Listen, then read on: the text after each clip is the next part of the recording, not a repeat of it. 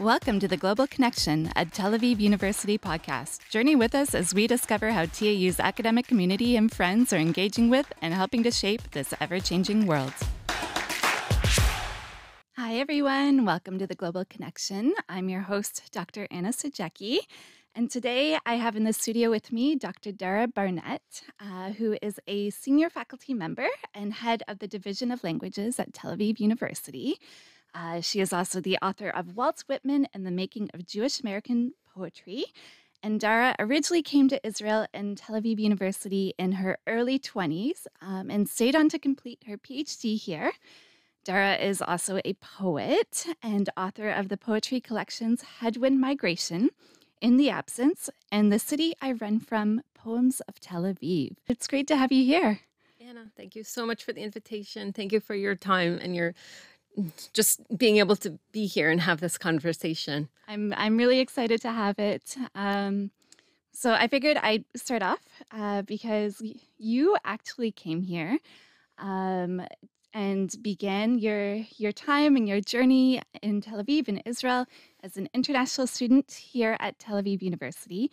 Uh, and as our listeners might know, the the podcast is actually sponsored by the International School, so it's a fun little alignment there. Um, so I, I thought I'd begin there. If you could tell me a little bit about what the International School was like 20 years ago. Yes, well, of course we have to start here. Um, Indeed, I did start my kind of path at Tel Aviv University as a student, as a junior, what was called then a junior, my third year of university. Uh, I spent all here at TAU in the what was then the, the overseas program, and I got so much out of that. So much so that I actually finished my BA degree at SUNY at Binghamton University in New York and came back to to, to live in Tel Aviv after that. Um, and then some years later, not too many actually, I uh, joined the teaching faculty and uh, in the international right. school, right. Uh, teaching creative writing. Um, that was back in 2009, I believe, was my first course. I was still a student then. I think uh, maybe a very early or mid doctoral student, but in any case, um, I have a lot of uh, history with the the staff in the international school and the wonderful students who would circulate through my classroom. And I think a lot of my teaching actually comes from that connection to, to being here at the university and in Tel Aviv. And of course, even within, uh, you know, the, the, this country more, um, more broadly. Um, so I do have to ask, is there something unique about being in the atmosphere of an international school. So being with you know students who come from all over the world. Um, you know, you've seen it as a student, you've seen it as a teacher. So yeah, can you elaborate on that a little bit? Oh, absolutely. I mean, I think an international classroom is one of the most special classrooms that can exist. You know, where you have students from the US, from Canada, from Europe, you know, uh, all bring their different languages, perspectives, cultures, interests. Um, you know, and it, in in terms of creative writing, like this can be a lens that they through which they they they be, view the world, and that gets brought to bear on the writing that they do, whether it's poetry or uh, nonfiction, um, a little bit of fiction also. But uh, I think the focus would often be nonfiction, so they'd be writing about themselves and often like the the exercises in the class or like the writing prompts would be oriented towards you know just go out into the university or go out into the city and choose a place and, and write about it and um, they would bring that back each one from their own individual viewpoint okay okay and I do actually want to have a larger conversation about uh, your poetry. You've, you've taught poetry, you've taught nonfiction like you mentioned, um, you've had activities where you've had students going out to sort of depict place. And I find in your poetry, um, there are so many beautiful depictions of Tel Aviv that you have. Um, but before we jump into that, I'm, I am curious because coming here about 20 years ago, mm-hmm. Um, what was your experience of Tel Aviv then? And how would you say it's kind of changed? It's really interesting. Um, well, I think I think I kind of I did discover my own poetic voice here, like in very specifically in Tel Aviv. Like I find myself very rooted to place and because I have been here for this whole this this very long stretch of time, um, and a lot of my experiences are here, just of of life and um, even loss. Um, you know, all, all, kinds of, you know, anything I've gone through in my life, you know, in in language and eventual motherhood. I mean, uh, things get filtered, you know, through that. Um, I find myself very uh, rooted, like just in the city itself, in the streets. Um, and I think that I also carry with me a kind of outsider position here. Because uh, I'm, you know, again, I've been here for more than two decades. I've been at this university teaching. Um, and now in this new role as the head of a wonderful division here called the Division of Languages, um, I think I, I kind of I reside very deeply in the margins if in in a certain way just not having grown up here. You know i came to hebrew at a later stage um and all of that. And i think that is part and i and i think i i because i process a lot of my own life experiences through writing through through mm-hmm. poetry especially but even sometimes nonfiction writing uh you know that that's all in there. Okay, if I remember the timeline of your poetry, the the collections you've published, you really did kind of start with the publishing anyway after you had moved to Tel Aviv. Yes. So was there something in that shift of environments perhaps and and your experience here that really compelled you to take poetry more seriously as a poet? Yeah, I think it's a combination of things. I think first of all, I needed something. I needed poetry at that time. You know, I needed to, to work out things that I was dealing with uh, through poetry. Um, I think I also met some amazing mentors, poets um, that were on faculty uh, who were teaching, and I was very I was fortunate enough to take workshops with him and classes with him. Um, and these are again still colleagues that I that I work with and collaborate with even until today.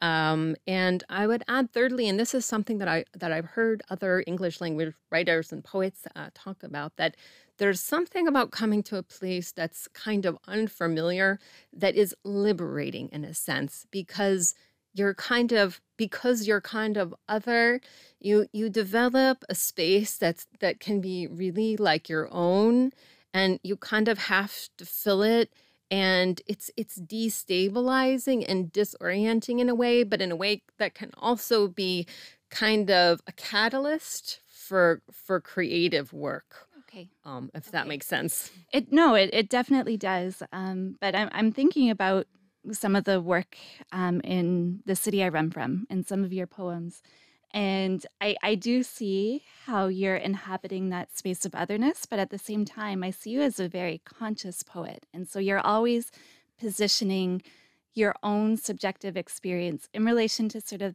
a bigger picture of Tel Aviv, a bigger picture of Israel. Um, so, can you talk about that, about sort of positioning yourself in sort of a wider place in, in all of the stories that inhabit that place?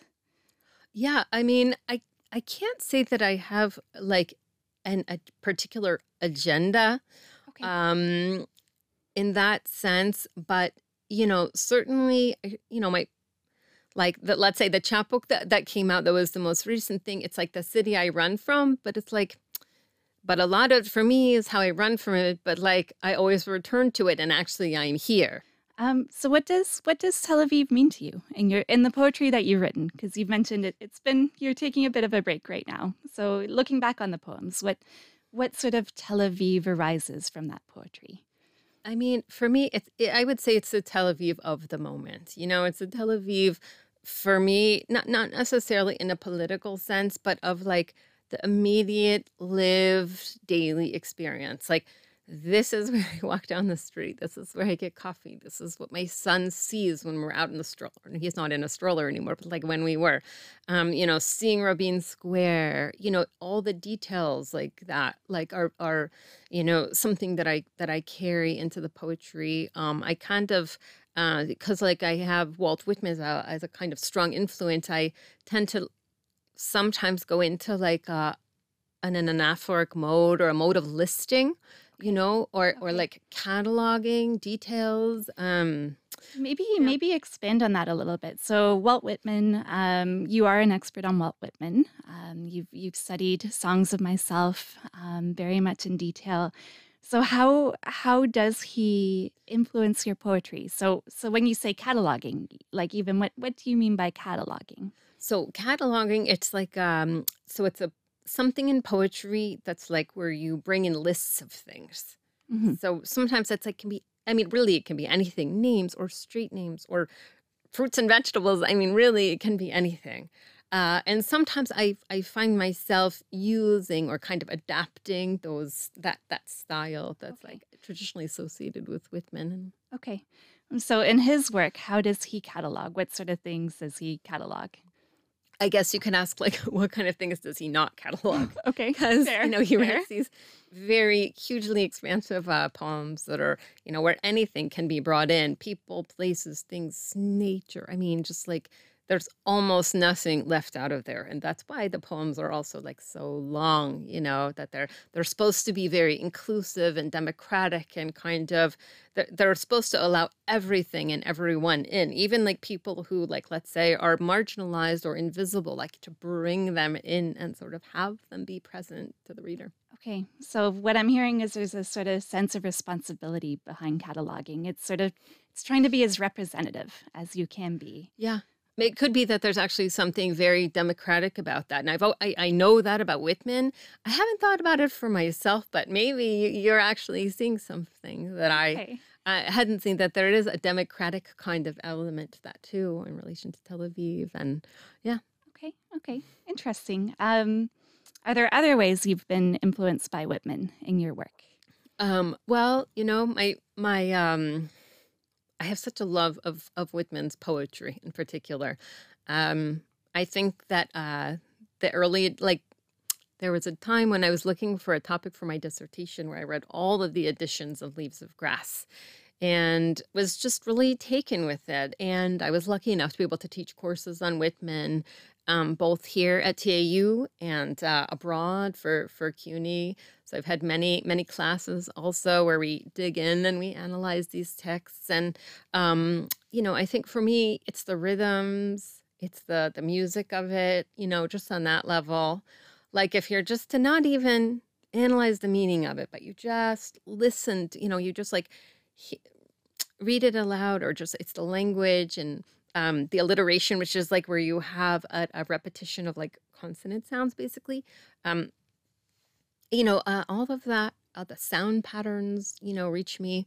Um, there's something very prayer-like about Whitman's poetry, um, which also like relates to uh, a lot of Jewish American poets, which has been my subject of research for uh, quite um, many years now. Um, there's also like uh, very often that's like a thread that runs through some of the responses to Whitman.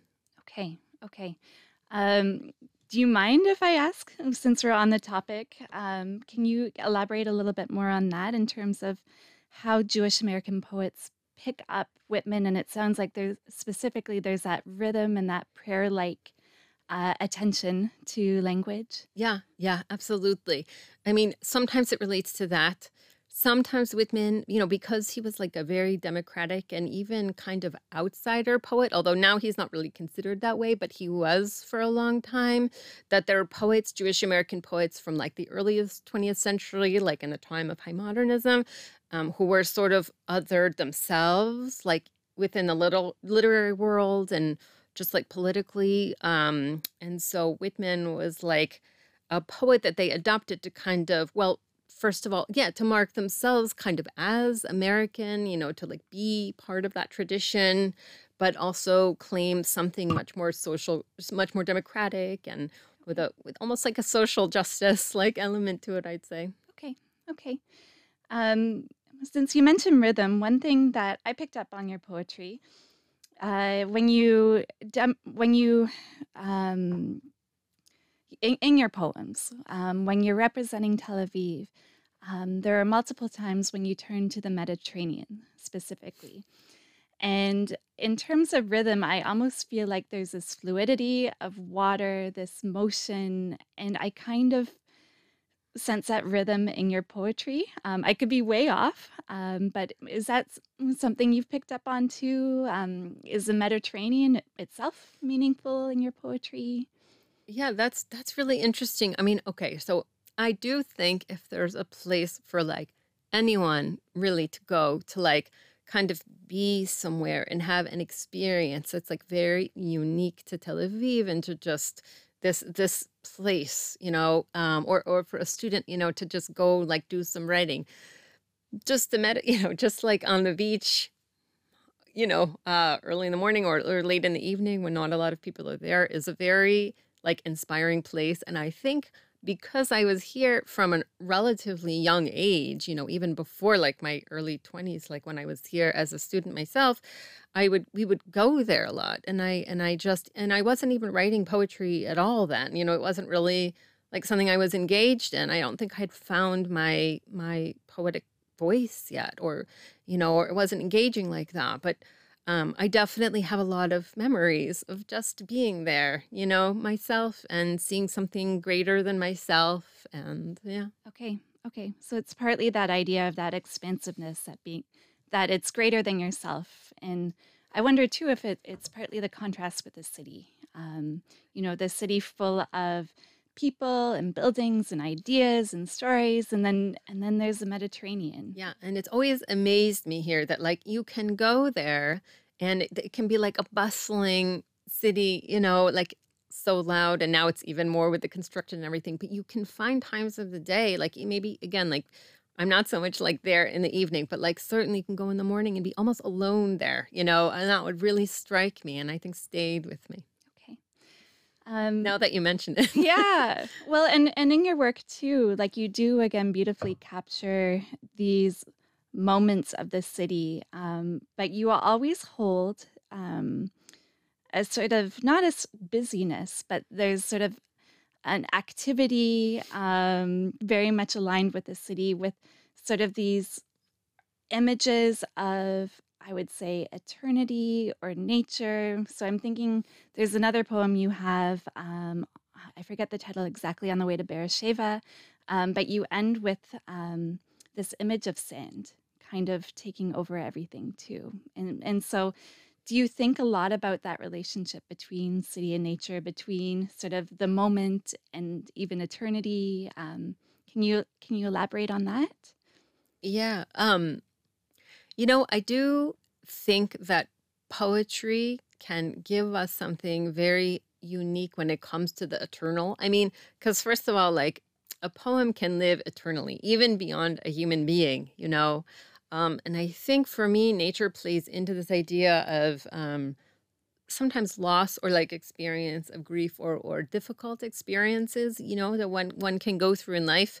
Um, and something about the eternal like resonates for me. Uh, it's almost like a hopefulness, actually. You know, it's not just like, okay, this very difficult thing has happened. That's the end of it. But there's something beyond that. It's almost optimistic.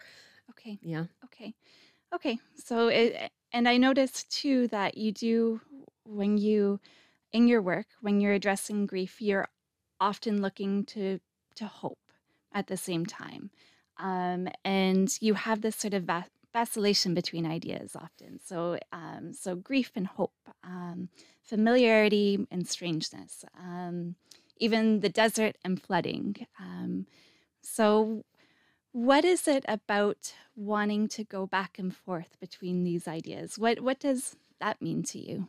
Yeah. I, it's interesting that you mentioned that. I mean, a couple of things come to mind. Like, I think that One thing that I often teach is that a poem can contain contradictions. You know, in a way, sometimes a poem will speak to us because, you know, because life is full of contradictions. And uh, a poem can hold these things together and in a way that to me can be very satisfying, you know, because because oftentimes situations our our experiences are complex, you know, they're um and we can feel one way one day and something else another day. Um, and I'll and I'll and I'll say that Walt Whitman too. Like there's a there's a strong element of of contradictions, you know, in Whitman, and it's an embrace of contradictions. And I think that there may be something also from his poetry that I kind of took from that. Like you can be, you can contradict yourself. Okay. Okay. And so that contradiction, that holding two opposing ideas together, um, that's partly just about the complexity of how we live, too, and trying to capture that. Yes. Yeah, absolutely. Okay. Yeah. So, uh, I, I know you've, as a director of the Division of Languages, you're maybe not teaching poetry um, and and writing as much these days, but um, if you were to give advice to potential poets that we have um, uh, in terms of how do you go out around Tel Aviv and look at it poetically, what would what would be your your advice there? I love this question. As as a teacher, I love it. um, so okay, first of all, I would say, like, if you're new, if you're new to this, or even if you're not, like, you can go out with um a sense of curiosity like rather than criticism, you know, because I think sometimes, especially students in the beginning, and not just students, you know, everyone, like they're kind of apprehensive about writing, you know, and what that's going to bring up for them. And I would say, okay, first of all, start with a perspective of curiosity rather than criticism. And then take yourself somewhere new, you know, go to like a new place. And this has been one of my creative writing exercises. Like I I say don't go by yourself, but like go go somewhere, you know, go to the beach, go to a new street you've never visited, um, go to go to a new restaurant, you know, um, go to a new place on campus that you haven't been before. Go check out a statue or go to a museum. I mean, you know, it's endless. And and just just write about it. That's it, you know, without too much direction or or worry about it. Just just respond to what you see. Okay. Okay. Well, I feel like that is an activity I'm going to encourage everybody to go out and try a little bit and um, get to know Tel Aviv a little bit more. Well, I hope they would enjoy it and, and they should. And thank you so much again. Thank you. Thank you, Dara, for joining me today. It was my pleasure.